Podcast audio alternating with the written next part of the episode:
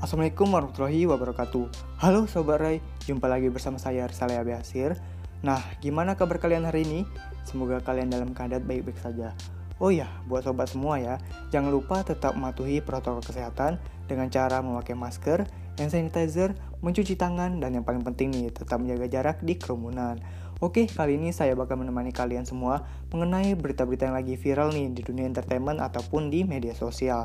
Nah, langsung saja yang berita pertama ini lagi gempar-gemparnya nih beberapa hari ini dengan pemberitaan Sule yang menikah lagi dengan seorang wanita yang cantik tentunya yang bernama Natalie Horser.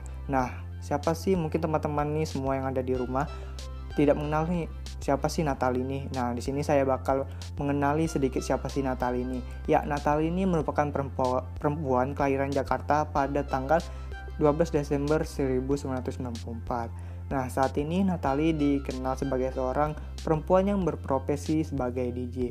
Wah, beruntung sekali ya, seorang Sule mendapatkan wanita yang berprofesi sebagai seorang DJ. Nah, awal menapaki dunia hiburan tanah air, Natalie sempat menjadi seorang penyanyi yang tergabung dalam grup yang bernama yang bernama The Dolls. Nah, kedekatan Sule dan Natalie ini bermula saat proyek mereka berkolaborasi di YouTube tentunya. Nah, hal ini diceritakan Sule juga saat Sule menjadi bintang tamu dalam acara talkshow yang dipandu oleh Fanny Rose beberapa waktu lalu. Nah, sejak saat itulah komunikasi Sule dan Natalie semakin intens tentunya. Nah, Sule ini sudah dekat dengan Natali selama 3 bulan tuh. Wah, buat kalian nih yang pacaran 5 sampai 10 tahun tapi nggak nikah-nikah, masa kalah nih sama Sule? ya, Sule ini sudah menikah dengan Natali kemarin tuh pada tanggal 15 November 2020 di Samara Resto Jati Sampurna Bekasi yang diadakan di suasana outdoor tentunya. Sule resmi mempersunting Natalie Holster dengan mas kawin sebanyak 75 gram dan uang senilai 200 juta, serta seperangkat alat sholat. Wow, itu lumayan banyak sih. Nah, pernikahannya juga dihadiri oleh beberapa keluarga besar Sule dan keluarga besar dari Natalie tentunya, dan beberapa teman-teman artis Sule. Nah, Hmm, buat Mas Sule nih, semoga Kang Sule dan Natalie menjadi keluarga sakinah, mawadah, warahmah, dan segera diberi momongan. Nah, berita yang kedua ini lagi viral nih di media sosial mengenai kejadian yang terjadi pada tanggal 18 November 2020, 2020 di Purwokerto kemarin. Nah, yang berjudul Daihatsu Ayla nabrak Honda CBR seharga 600 juta. Wow, Daihatsu Ayla tabrak Honda CBR seharga 600 juta. Wow, itu gila sih. Mulainya disebutkan bahwa kedua pengendara ini terlibat pertengkaran di jalan raya.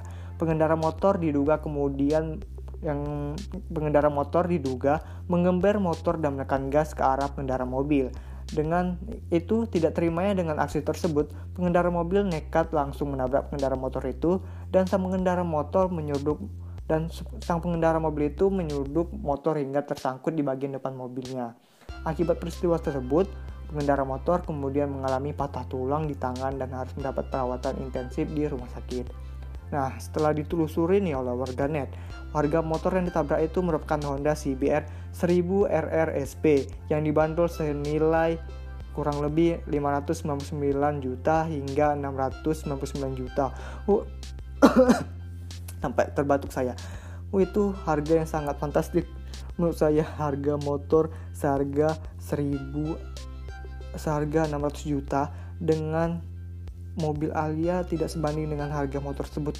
Wow diduga pengendara mobil tidak mengetahui berapa harga motor yang ditabrak dan memperkirakan saat itu pengendara mobil eh, tengah gigit jari memikirkan biaya ganti rugi yang lebih mahal dari harga mobilnya tentunya. Nah, sang pengendara mobil ini yang bernama Dimas menyebutkan bahwa bahwa yang menimpanya bukanlah sebuah kecelakaan, melainkan ia dengan sengaja ditabrak oleh pengendara mobil Daihatsu Ayla tersebut. Tidak berniat secara langsung mengember kendaraannya. Dimas menyatakan atau mengakui jika suara motornya memang sangat kencang. Mereka sempat menepi dan cekcok di pinggir jalan. Dimas mengaku sempat menantang pengendara mobil itu untuk berduel dengannya atau mungkin mungkin berbicara dengan kepala dingin. Nah, sayangnya pengendara mobil justru melarikan diri. Merasa dipermalukan di depan publik, Dimas kemudian mengejar pengendara mobil itu dengan menyalip dan meminta agar lawannya atau pengendara mobil itu segera berhenti. Nah, saat menunggu di sisi kiri jalan, ia justru ia justru ditabrak oleh mobil itu dengan sengaja. Nah, ia menyampaikan bahwa dirinya atau Dimas menyatakan bahwa dirinya mengalami patah tulang di bagian lengan kirinya. Ada dua tulangnya yang patah dan harus dirawat intensif. Tiba di rumah sakit dalam keadaan sadar, Dimas juga mengalami luka-luka di beberapa bagian tubuhnya. Menurutnya, ia ditabrak dengan kecepatan 80 sampai 100 km per jam tanpa ada rem sedikit pun. Wow, itu sangat kencang sih menurut saya. 80 sampai 100 km dengan menabrak menabrakkan mobil ke motor itu sangat kencang sih menurut saya.